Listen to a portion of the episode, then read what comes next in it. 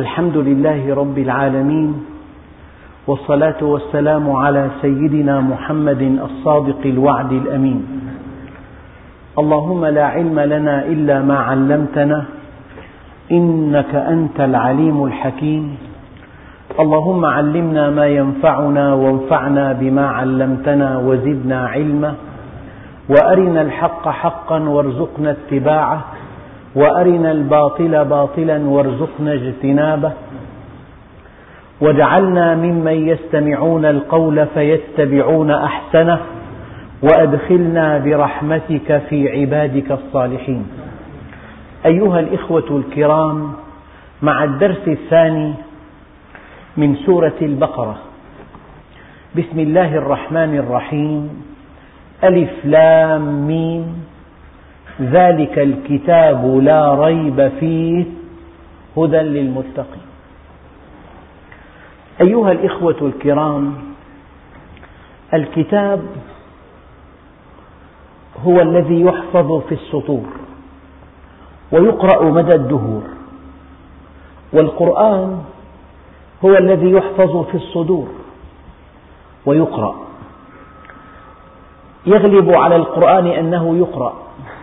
إذا يحفظ في الصدور ويغلب على الكتاب أنه يكتب ويحفظ في السطور. فالقرآن والكتاب اسمان لشيء واحد لكن هذا يذكرنا بقوله تعالى الرحمن علم القرآن خلق الإنسان علمه البيان. البيان اللغة واللغة من تكريم الله للإنسان. أداة اتصال بين أفراد النوع. أداة اتصال راقية جدا. أداة يعبر بها الإنسان عن فكره وشعوره. أداة اجتماعية. الإنسان يتصل مع الآخرين عن طريق اللغة. لو أن اللغة تقرأ لو أن اللغة تقتصر على أن تلقي وأن تسمع. لما انتقلت ثقافة من جيل إلى جيل ولا من أمة إلى أمة. لذلك قال تعالى اقرأ باسم ربك الذي خلق خلق الإنسان من علق. اقرأ وربك الأكرم الذي علم بالقلم. فاللغة حديث واستماع. واللغة كتابة وقراءة. حينما مكن الله الإنسان من أن يكتب اللغة ومن أن يقرأ المكتوب معنى ذلك هذه العلوم التي بين يدي الإنسان انتقلت من جيل إلى جيل ومن عصر إلى عصر وعن طريق الترجمة من أمة إلى أمة. فالإمام القرطبي مثلا صاحب التفسير المشهور لو لم يكن هناك كتابة أين علمه؟ ضاع بموته أي عالم صب علمه في كتاب هذا الكتاب انتفع به أبناء عصره الذين لم يلتقوا به وانتفع به الذين جاءوا بعده إلى يوم القيامة وانتفعت به الأمم الأخرى عن طريق الترجمة. إذا معنى قوله تعالى الرحمن علم القرآن خلق الإنسان علمه البيان. البيان من أخص خصائص الإنسان وهي من تكريم الله للإنسان. علمك أن تنطق وعلمك أن تفهم الكلام الذي ينطقه غيرك وعلمك أن تكتب وعلمك أن تقرأ المكتوب. فلذلك الكتاب محفوظ في السطور ويقرأ على مدى الدهور والقرآن محفوظ في الصدور ويقرأ بلسان عربي مبين. أيها الإخوة أما كلمة الكتاب ذلك الكتاب هذه أل العهد. يعني هذا الكتاب الذي يتميز عن كتب أهل الأرض من آدم إلى يوم القيامة. أي كتاب ألفه إنسان؟ ادخل إلى أضخم مكتبة في العالم. كل هذه الكتب في كفة وهذا القرآن في كفة أخرى. إنه كلام الله. وفضل كلام الله على كلام خلقه كفضل الله على خلقه. لذلك هذا الكتاب هو كتابنا المقرر. هو أساس سعادتنا. هو منهجنا. هو دستورنا. هو حبل الله المتين. هو الصراط المستقيم. هو النور المبين. لا تنس هذه المقولة. فضل كلام الله على كلام خلقه. اقتني أعلى كتاب ألفه إنسان في العالم. المؤلف إنسان. لكن هذا القرآن من عند خالق الأكوان. في مغني شهير بريطاني دخل إلى مكتبة في إيطاليا فرأى فيها كتاب القرآن الكريم فسأل صاحب المكتبة من مؤلف هذا الكتاب؟ فصاحب المكتبة رفع يده إلى السماء وأشار إلى الله عز وجل. فهذا المغني استهزأ بهذه الكلمة واشترى الكتاب ليقرأه ولينتقده وليوبخ صاحب المكتبة على هذه الدعوة. فلما قرأه آمن به وترك الغناء وصار من دعاة الإسلام واشترى بثروته الطائلة كل تسجيلاته وأحرقها. فهذا الكتاب كتاب خالق الأكوان. هذا كتابنا. النبي عليه الصلاة والسلام يقول خيركم على الإطلاق من تعلم القرآن وعلمه. الجهاد ذروة سنام الإسلام. أعلى شيء في الإسلام الجهاد. وسمى الله نشر هذا الكتاب وتبيانه للناس. وتفسيره وشرحه وسمى حمل الناس على تطبيقه سمى ذلك جهادا كبيرا. فقال تعالى وجاهدهم به جهادا كبيرا. والشقي كل الشقي الذي جاء إلى الدنيا وخرج منها ولم يفهم كلام الله. ذلك الكتاب هي قال له العهد يعني كتاب الله. هذا الكتاب متميز عن كتب بني البشر قاطبة.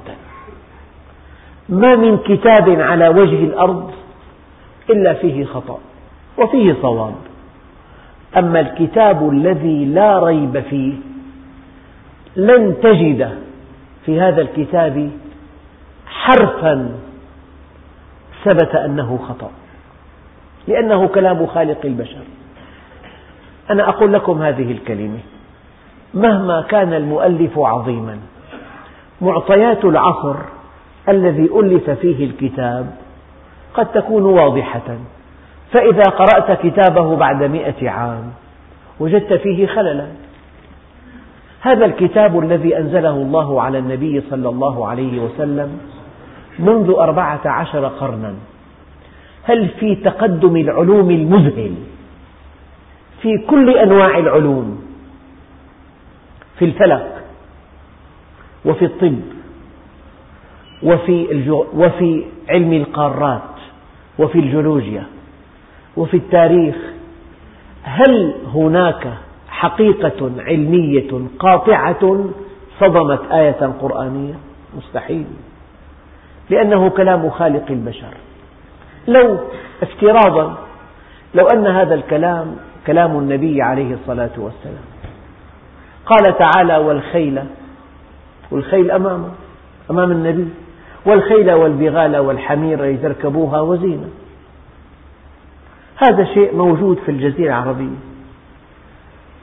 لو كان لو كان لو كانت هذه الآية من صنع النبي لانتهت عند هذا الحد. والخيل والبغال والحمير لتركبوها وزينة. ما كان في عهد النبي طائرة ولا كان في عهد النبي سيارة ولا كان في عهد النبي حوامة ولا كان في عهد النبي مركبة فضائية. لأنه كلام خالق الكون قال ويخلق ما لا تعلمون. فالذي يركب طائرة ويقرأ هذه الآية يرى أن الطائرة دخلت في هذه الآية. والذي يركب مركبة فخمة ويقرأ هذه الآية يرى أن المركبة دخلت في هذه الآية لأنه كلام خالق البشر. يقول الله عز وجل وعلى كل ضامر يأتين من كل فج عميق. الإنسان يعجب لم لم يقل الله عز وجل من كل فج بعيد. القصد أن الفج بعيد. بس لأن الأرض كرة كلما ابتعدت عن إحدى نقاطها صار البعد عمقا. صار البعد عمقا. وعلى كل ضامر يأتين من كل فج عميق ليشهدوا منافع لكم. إذا هذا الكتاب غير كتب أهل الأرض. وما أتعس الذي أمضى حياته مع كتب من صنع بشر. أمضى حياته في الأدب في الشعر في القصة. كل هذا من صنع البشر. أما إذا استوعب كلام خالق البشر سعد به في الدنيا والآخرة. شيء آخر. ذلك الكتاب له العهد أي أن هذا الكتاب متميز عن كل الكتب السماوية السابقة. كيف؟ الكتب السماوية السابقة. ائتمن الله البشر عليها لحكمة أرادها. ائتمن الله البشر عليها لحكمة أرادها.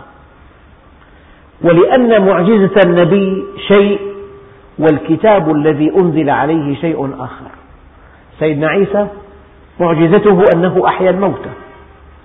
سيدنا موسى معجزته أنه ضرب البحر فكان طريقا يبسا والأفعى والعصا إلى آخره. فالمعجزة شيء والكتاب الذي نزل عليه شيء آخر. الكتب السماوية ائتمن الله البشر عليها. بينما القرآن الكريم يتميز من بين الكتب السماوية أن الله تولى حفظه بذاته. قال إنا نحن نزلنا الذكر وإنا له لحافظون. لذلك لا يمكن أن يستطيع بشر أن يبدل حرفا واحدا ولا أن يبدل حركة ولا أن يضع آية مكان آية. وليس معنى حفظ الله عز وجل لهذا القرآن أنه لا تجري محاولة لتغييره. الآن في الإنترنت في سور من سور ادعى الذي وضعها أنها من سورة البقرة رقم 23 ولا علاقة لها بالقرآن إطلاقا. الأمر يكشفه الأطفال الأطفال. وفي وقت آخر إن شاء الله في درس آخر أقرأ عليكم هذه السور التي افتعلها أعداء الدين وجعلوها كأنها سور من كتاب الله عز وجل. أنا إذا قرأتها أمام طفل يكشف أنها ادعاء وكذب أمام طفل من, من المسلمين.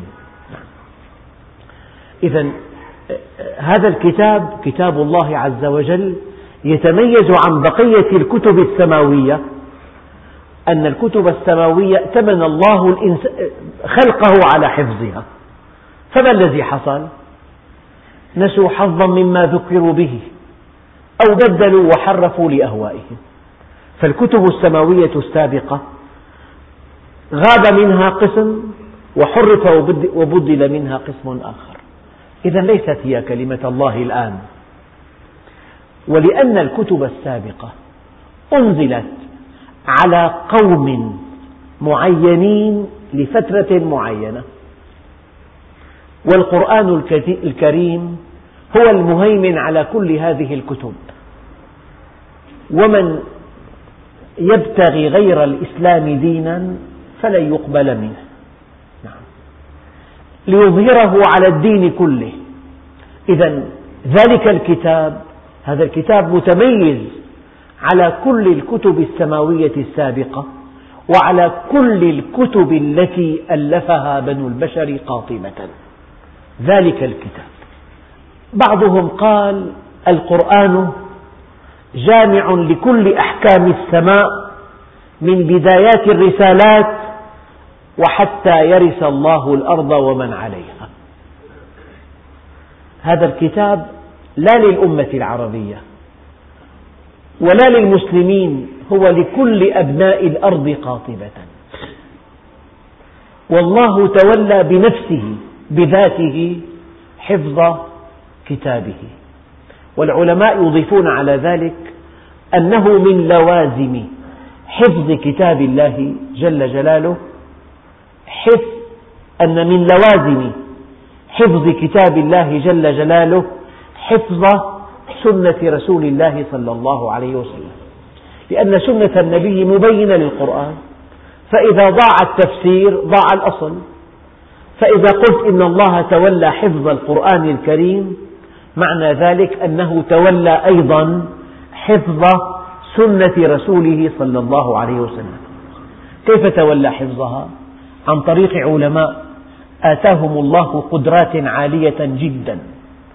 فمحصوا ونقبوا ودققوا وحفظوا سنة رسول الله الصحيحة. الله عز وجل يطمئننا أن هذا القرآن لن لتأبيد النفي.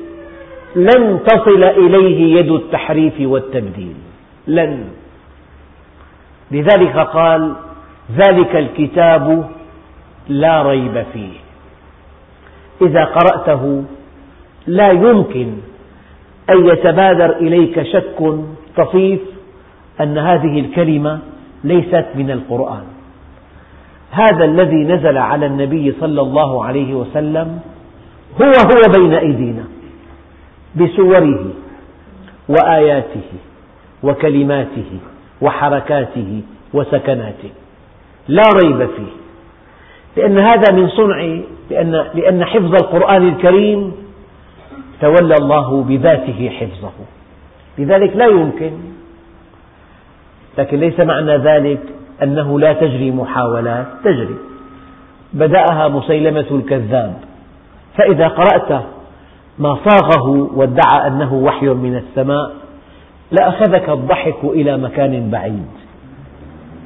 أيها الإخوة الكرام قد يسأل سائل ما السبيل إلى أن أؤمن بهذا القرآن؟ أنه كتاب خالق الأكوان. السبيل كلمة واحدة إعجازه. إن بني البشر مجتمعين إلى يوم الدين لا يستطيعون أن يأتوا بآية واحدة إطلاقا. فهذا الكتاب فيه إعجاز والإعجاز أي أن البشر يعجزون عن أن يأتوا بمثله.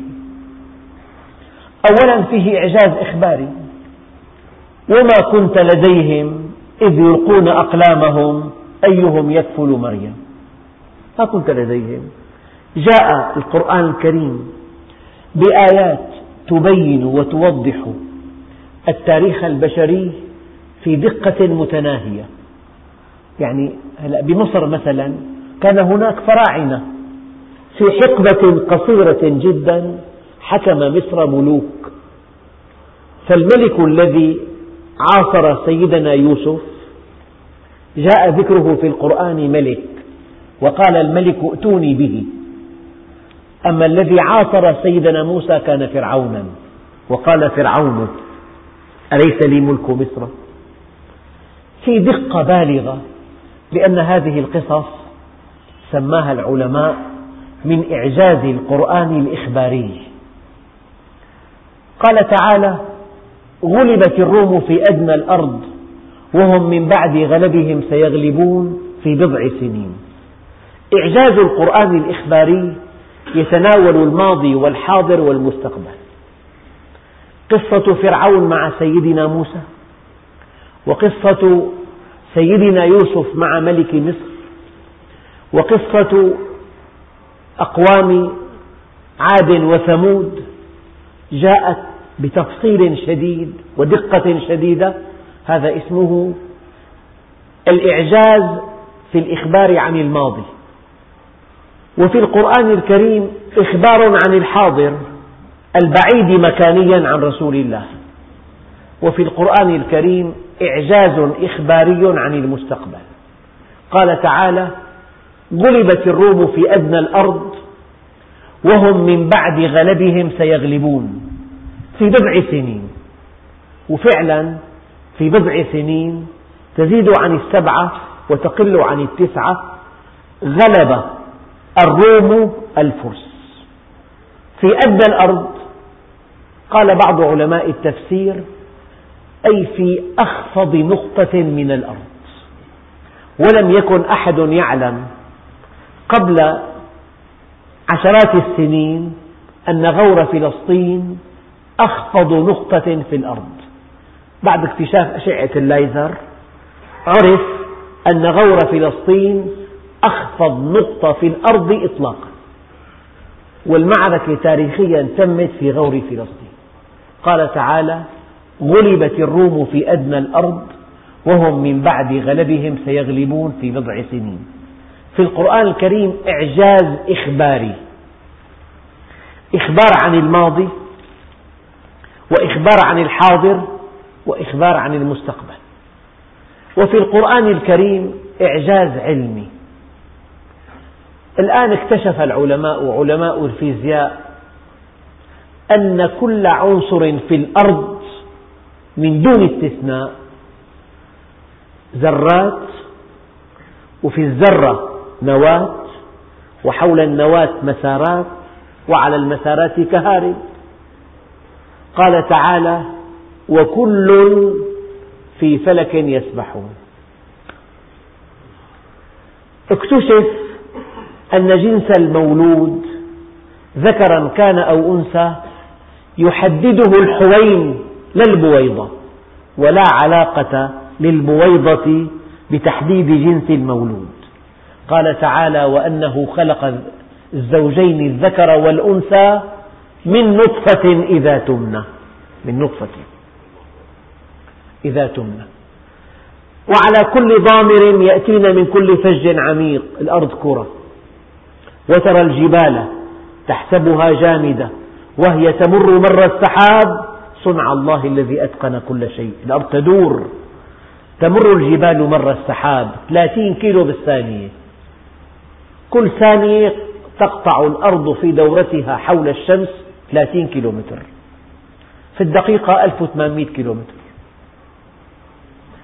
في العشر دقائق 18 ألف كيلومتر نحن الآن ماشيين عشرين ألف كيلومتر من بداية الدرس وحتى الآن. وترى الجبال تحسبها جامدة وهي تمر مر السحاب. منذ أن خلق الله الأرض ومن عليها وإلى سنوات إلى بضع عشرات من السنوات كان يظن أن الأرض الشمس ثابتة والكواكب تدور من حولها. على أقل تقدير المجموعة الشمسية تدور حول الشمس. ثم اكتشف أن الشمس تجري. قال تعالى والشمس تجري لمستقر لها. ذلك تقدير العزيز الحكيم. في بالقرآن إعجاز علمي. لم يكن على عهد النبي طائرات ولا صواريخ ولا مناطيد. قال ومن يرد يجعل صدره حرجا ضيقا كأنما يصعد في السماء. ترى أنت السحاب سقفا أبيضا فإذا ركبت طائرة ترى السحاب من فوق جبال وديان هضاب سهول كتضاريس الأرض تماما وهذا ذكر في القرآن الكريم. طبعا أنا أعطيكم أمثلة على سبيل المثال لا على سبيل الحصر. الإعجاز العلمي في القرآن الكريم الآن أصبح اختصاص اختصاص اسمه الإعجاز العلمي في القرآن الكريم.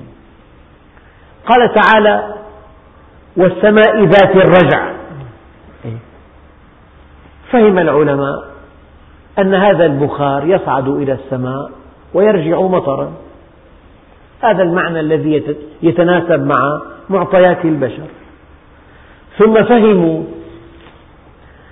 أن هذه الموجات الكهرطيسية تصعد إلى السماء فتردها طبقة الأثير ولولا هذه الطبقة التي ترجع هذا البث لما كان هناك إذاعة ولا نقل صورة عبر الفضاء. والسماء ذات الرجع.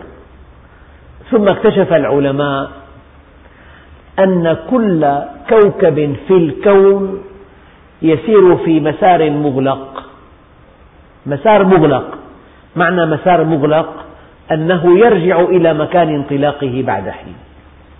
فالصفة الجامعة المانعة الشاملة لكل الكون أن السماء ذات رجع والسماء ذات الرجع.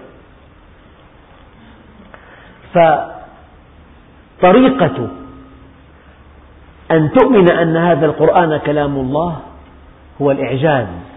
الإعجاز الإخباري الإعجاز العلمي الإعجاز البلاغي. وما من دابة إلا على الله رزقها. الغي من ليس قرآنا لأن من تفيد استغراق أفراد النوع. الغي ما وإلا ليس قرآنا لأن الماء والنفي والاستثناء يفيد الحصر والقصر. لو ألغينا النفي والاستثناء ألغينا القصر. طيب قال احذف إل على الله. ما من دابة إلا الله يرزقها ليست قرآنا. لأن حذف على ألغت الإلزام الذاتي لله عز وجل. طيب قل الدواب صار في محدود قال العهد بعض الدواب الدواب الأهلية أما جاءت دابة منكرة منكرة تنكير شمول قد تقف أمام آية ترى فيها إعجازا بلاغيا. هنا استثناء هنا حصر هنا قصر. هنا تقديم هنا تأخير. قال تعالى إياك نعبد. طيب لو قال نعبد إياك ما اختلف المعنى. اختلف اختلاف كبير. إذا قلت نعبد إياك يا رب لا يمنع أن نعبد غيرك. أما إذا قلت إياك نعبد قدمت إياك على الفعل لا نعبد إلا أنت يعني. وعنده مفاتح الغيب. لو قال مفاتح الغيب عنده عنده وعند غيره. أما حينما جاء جاءت مفاتح الغيب مقدمة سبقها عنده أصبح المعنى حصرا. يعني موضوع طويل جدا هذا. الإعجاز العلمي طويل جدا لا تحت يعني يحتاج إلى أشهر. الإعجاز البلاغي يحتاج إلى أشهر. الإعجاز التاريخي الإخباري. إعجاز النظم شيء مذهل. فيا أيها الإخوة الكرام طريق الإيمان بهذا الكتاب هو الإعجاز في شيء آخر الذي أنزل هذا الكتاب الذي أنزله يشهد لنا أنه كلامه كيف؟ الذي أنزله يشهد لنا أنه كلامه كيف؟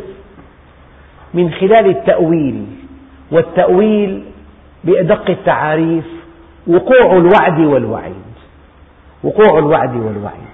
يعني حينما يمحق الله مال المرابي محق مال المرابي شهادة الله لهذا المرابي أن قوله تعالى فإن لم تنتهوا فأذنوا بحرب من الله ورسوله. محق مال المرابي شهادة الله للمرابي أن هذا القرآن كلامه. والشاب الذي يؤمن بالله ويعمل صالحا ويحيا حياة طيبة. الحياة الطيبة التي يحياها الشاب هي شهادة الله له أن هذا القرآن كلام الله. وحينما تنفق من مالك فيزداد مالك هذه زيادة المال شهادة الله لك أن القرآن كلام الله عز وجل. يمحق الله الربا ويربي الصدقات. أي, أي فعل من أفعال الله. هو شهادة الله لنا أن هذا القرآن كلامه. ولولا دفع الله الناس بعضهم ببعض كان في توازن قوى بالعالم. لهدمت صوامع كثيرة. فحينما ألغي هذا التوازن عانت الشعوب ما عانت. عانت الأمرين. وهذا التوازن بين القوى بين قوى الأرض كان نعمة من نعم الله العظمى. غفلنا عن هذه النعمة فعرفناها بفقدها. التوازن كان نعمة من نعم الله العظمى ولولا دفع الله الناس بعضهم ببعض. توازن قوى شرق غرب. اللهم عرفنا نعمك بكثرتها لا بزوالها. لا بد من أن نعرف النعم. إما أن نعرفها بوفرتها أو بزوالها. شيء آخر هذا القرآن كلام الله وحبل الله المتين والصراط المستقيم ومنهج رب العالمين والنور المبين. غنى لا فقر بعده ولا فقر دون ولا غنى دونه. من أوتي القرآن دققوا من أوتي القرآن فهما. وتفسيرا فرأى أن أحدا أوتي خيرا منه فقد حقر ما عظمه الله عز وجل. أهل القرآن أهل الله. أنت حينما تأتي إلى بيت من بيوت الله لتتعلم كلام الله لا شيء في حياتك يعلو على هذا الهدف. لا شيء يعني أهم ألف مرة من أن تؤدي امتحانا جامعيا يبنى عليه مستقبلك. إنك تتعرف إلى كلام الله إلى منهج الله إلى افعل ولا تفعل. هذا حرام وهذا حلال. فلذلك الله جل جلاله يقول الحمد لله الذي خلق السماوات والأرض. نحمد الله على أن أوجد الكون. وفي المستوى نفسه. الحمد لله الذي أنزل على عبده الكتاب. يعني الكون كله في كفة وهذا القرآن في كفة. الكون خلقه والقرآن كلامه. لا معنى لخلق الكون من دون منهج تسير عليه. يتوضح هذا في قوله تعالى الرحمن علم القرآن خلق الإنسان. يا رب. كيف تعلم الإنسان القرآن قبل أن تخلقه؟ ليس هذا هو المعنى. الرحمن علم القرآن خلق الإنسان. لا ليس هذا هو المعنى. المعنى أن ترتيب تعليم القرآن مع خلق الإنسان ترتيب رتبي لا ترتيب زمني. بمعنى أن وجود الإنسان لا معنى له من دون منهج يسير عليه. يعني أنت اذهب إلى بعض الشعوب. شعب في الهند بأكمله ماذا يعبد؟ البقر. وشعب آخر يعبد الجرذان. وعندي تحقيق علمي لمجلة محترمة جدا فيها صور لا تصدق. معبد ضخم جدا. إله هذا المعبد الجرذان. لذلك قال الله تعالى الحمد لله الذي أنزل على عبده الكتاب. نحن نعبد الله عز وجل. نعبد خالق السماوات والأرض. نعبد الذي بيده ملكوت كل شيء. نعبد الذي إليه يرجع الأمر كله. نعبد الذي إذا قال لشيء كن فيكون. نعبد القوي نعبد الغني. نعبد صاحب الأسماء الحسنى والصفات الفضلى. لذلك أحد أكبر النعم بعد نعمة الوجود نعمة الهدى. هناك ثلاث نعم نعمة الإيجاد ونعمة الإمداد ونعمة الهدى والرشاد. يؤكد هذا المعنى الحمد لله الذي أنزل على عبده الكتاب ولم يجعل له عوجا. من أجل أن تطمئن أن هذا الكتاب الذي بين يديك هو نفس الكتاب الذي أنزل على النبي صلى الله عليه وسلم من دون زيادة ولا نقص. قال تعالى واتل ما أوحي إليك من كتاب ربك لا مبدل لكلماته. لا تبدل ولا تغير ولا تحرف ولا يضاف عليها ولا يحذف منها إطلاقا. تولى الله بذاته حفظ كتابه. واتل ما أوحي إليك من كتاب ربك لا مبدل لكلماته. وأنت حينما تؤمن طوعا ترقى, ترقى به. لو أراد الله عز وجل أن نؤمن به قسرا لفعل ولكن هذا لا يسعدنا.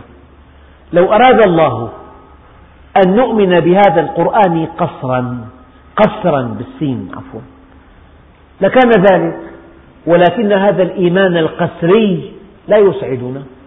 قال تعالى لعلك باخع نفسك يا محمد لعلك باخع نفسك ألا يكونوا مؤمنين. إن نشأ ننزل عليهم من السماء آية فظلت أعناقهم لها خاضعين. لكن الله دعانا لنؤمن به طوعا لنرقى بهذا الإيمان. ليكون إيماننا اختيارا. لا, لا إكراها لا إكراه في الدين. ربنا جل جلاله رحمة بنا يقسم. قال فلا أقسم بمواقع النجوم. مواقع النجوم لا يعرف معنى هذه الآية إلا من درس الفلك. يعني خبر من سنة ونصف أذعت محطة أخبار عالمية أنه تم اكتشاف مجرة تبعد عنا 300 ألف بليون سنة ضوئية. 300 ألف بليون سنة ضوئية. 300 ألف بليون. أقرب نجم للأرض ملتهب. أقرب نجم ملتهب. يبعد عنا أربع سنوات ضوئية. أجري مساء على الآلة الحاسبة. ما معنى أربع سنوات ضوئية؟ يعني 300 ألف كيلومتر بالثانية ضرب ستين بالدقيقة ضرب ستين بالساعة ضرب 24 باليوم ضرب 365 بالسنة ضرب أربعة. هذا الرقم أسمه عالمية في عنا سيارة نريد أن نصل بها إلى هذا الكوكب. سرعة مية. ثم قسم هذا الرقم على ساعات على 24 يطلع كم يوم؟ ثم قسم هذا الرقم على 365 يطلع معنا نحتاج إلى أن نصل إلى أقرب نجم ملتهب إلى خمسين مليون سنة. وبإمكانك أن تجري هذا الحساب مساء. خمسين مليون سنة تقود سيارة لتصل إلى أقرب نجم ملتهب للأرض. هذه المجرة الأخيرة 300 ألف بليون يعني 300 ألف ألف مليون سنة ضوئية. لما قال الله عز وجل فلا أقسم بمواقع النجوم. وإنه لقسم. لو تعلمون عظيم. طيب ما جواب القسم؟ إنه لقرآن كريم. جواب هذا القسم أن هذا كلامي يا عبادي. يعني ذكرت قبل يومين في حفل بدأت الحفل هكذا. قلت زوال الكون أهون على الله. من ألا يحقق وعده للمؤمنين. زوال الكون أهون على الله. من ألا يحقق وعده للمؤمنين. وعد الله الذين آمنوا منكم وعملوا الصالحات ليستخلفنهم في الأرض. أين الاستخلاف؟ وليمكنن لهم دينهم الذي ارتضى لهم. أين التمكين؟ وليبدلنهم من بعد خوفهم أمنا. أين التطمين؟ إن الله يدافع عن الذين آمنوا. أين الدفاع؟ ولن يجعل الله للكافرين على المؤمنين سبيلا. لهم علينا ألف سبيل وسبيل. إن تنصروا الله ينصركم. أين النصر؟ زوال الكون أهون على الله. من ألا يحقق وعده للمؤمنين. ولكن فخلف من بعدهم خلف أضاعوا الصلاة واتبعوا الشهوات. الساعة خمسة قيام ليل الحمد لله. فسوف يلقون غيا. قيام ليل بقنوات المجاري. بقنوات المجاري لا بالتحليق مع الله عز وجل. فسوف يلقون غيا. هذا هو الجواب. فلذلك فلا أقسم بمواقع النجوم وإنه لقسم لو تعلمون عظيم إنه لقرآن كريم. إذا الإنسان عرف قيمة هذا القرآن لا ينام الليل لا يغيب عن درس تفسير واحد. كلام الله دستورنا منهجنا نور الله المبين صراطه المستقيم حبل الله المتين. هو الغنى هو العز. كلكم يعلم. إذا عالم تفوق في القرآن الكريم ومات ترتج الدنيا له. وسمعتم قبل أسابيع ترتج الدنيا له. لأنه مات لكن أخذ معه كل شيء. أخذ معه كل الخير. أما أهل الدنيا إذا ماتوا يتركون كل شيء. أما الذين عرفوا الله وأمضوا, وأمضوا حياتهم في الدعوة إليه يأخذون معهم كل الخير. إن الله يرفع بهذا الكتاب أقواما. يرفع بهذا القرآن أقواما. تعلموا القرآن وعلموه افهموا أحكامه ولقنوا أحكامه لأبنائكم. وربوا أبناءكم على هذا القرآن الكريم وعلى حب نبيكم وعلى حب صحابته الكرام. أكان للناس عجبا أن أوحينا إلى رجل منهم يعني أكثر أعداء الدين يشككون في هذا القرآن لأنه جاء به بشر. طيب أنتم يا من تشككون بهذا القرآن؟ ألا تتبعوا نبيا من بني البشر؟ أكان للناس عجبا أكان للناس عجبا أن أوحينا إلى رجل منهم أن أنذر الناس وبشر الذين آمنوا. هذه سنة الله في خلقه. هذا القرآن أنزله الله على سيد الخلق وحبيب الحق. أنزله على أمين وحي السماء. كتاب أحكمت آياته ثم فصلت من لدن حكيم خبير. هذا الكتاب كله ملخصه كلمة واحدة. ألا تعبدوا إلا الله. كتاب أحكمت آياته ثم فصلت من لدن حكيم خبير. ألا تعبدوا إلا الله. إني لكم منه نذير وبشير. قل إنما أنا بشر مثلكم يوحى إلي. أنما إلهكم إله واحد. فحوى هذا القرآن كله أنما إلهكم إله. هي آية تلخيص. الله عز وجل يلخص لنا قرآنه كله. قل إنما أنا بشر مثلكم يوحى إلي أنما إلهكم إله واحد.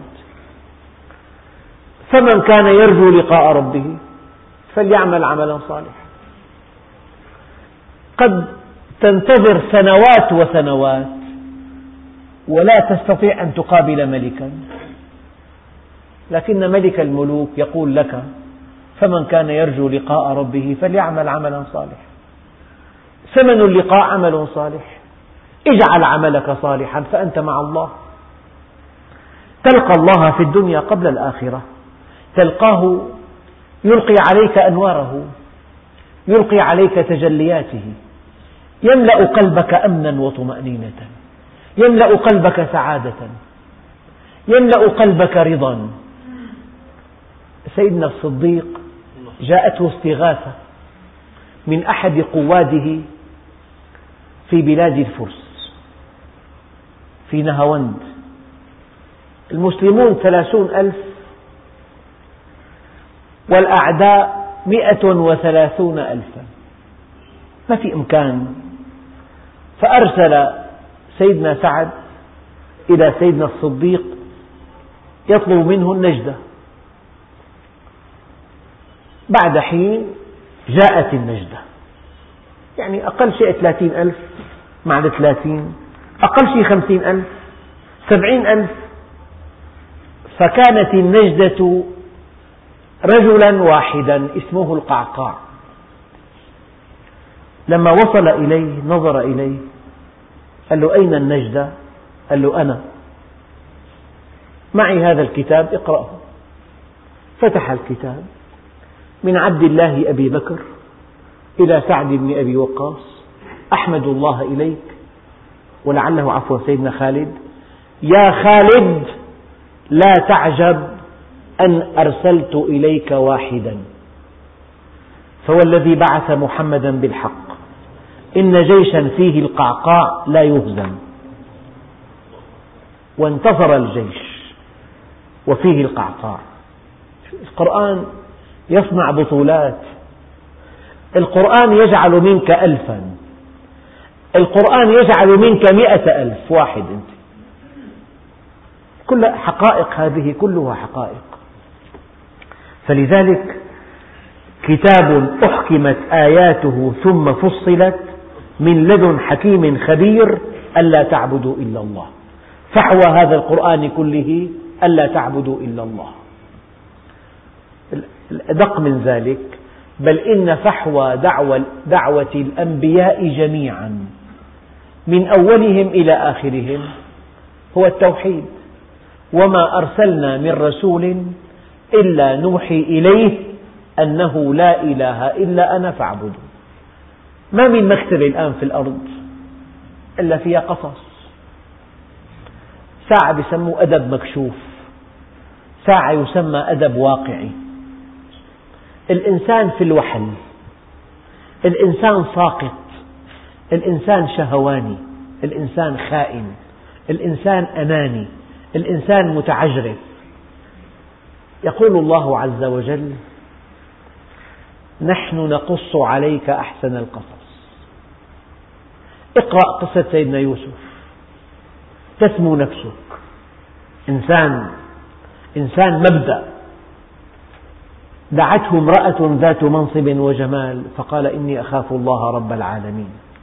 كان عبدا فجعله الله ملكا بطاعته لله.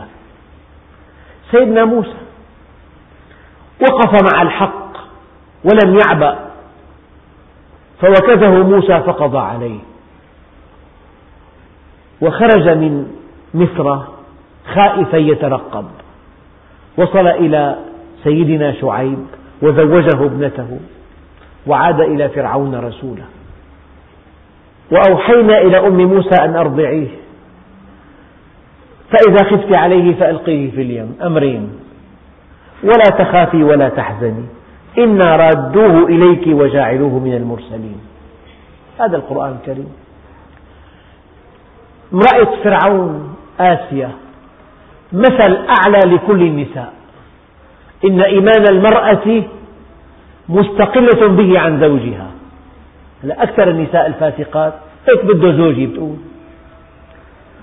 سوف تسألين أنت, أنت وحدك عن إيمانك. لا طاعة لمخلوق في معصية الخالق.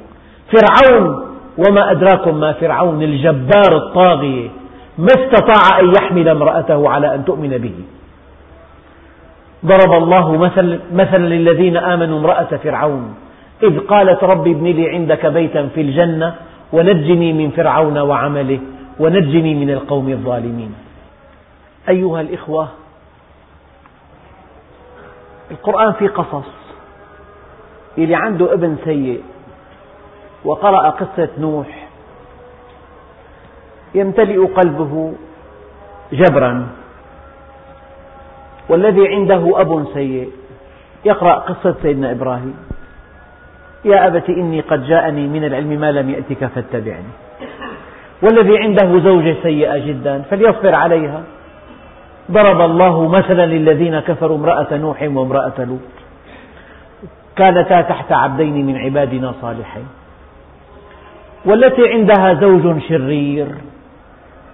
امرأة فرعون رب ابن لي عندك بيتا في الجنة ونجني من فرعون وعمله. والذي يحتل مكانة علية في المجتمع بإمكانه أن يكون صالحا. قصة ذي القرنين. الله مكنه في الأرض وجعله مؤمن كبير صالح. والذي يعني لا ينجب الأولاد. سيدنا زكريا. وإذا دخل إنسان السجن ظلما. سيدنا يوسف. نبي كريم دخل السجن. السجن ليس وصمة عار بحق الإنسان أحيانا طبعا. فإذا قرأت القرآن الكريم كل قصة دواء دواء. إنسان ظلم فرضا. له في سيدنا يوسف أسوة حسنة.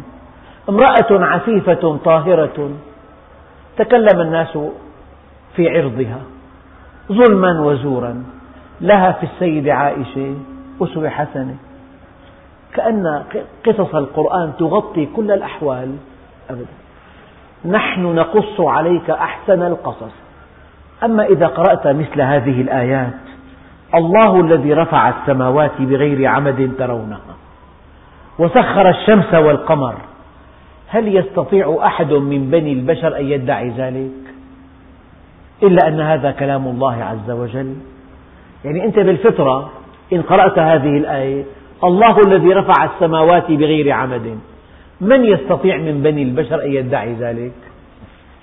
هذه الآيات تعطيك إيمان فطري. وهذا القرآن في النهاية كتاب أنزلناه إليك لتخرج الناس من الظلمات إلى النور. الكافر في ظلام في ظلمات بعضها فوق بعض. وأما المؤمن إذا قرأ القرآن فهو على بينة من ربه. إنه في نور الله عز وجل. حتى بعضهم قال الله نور السماوات والأرض. نورها بهذا القرآن الكريم. بين وضح.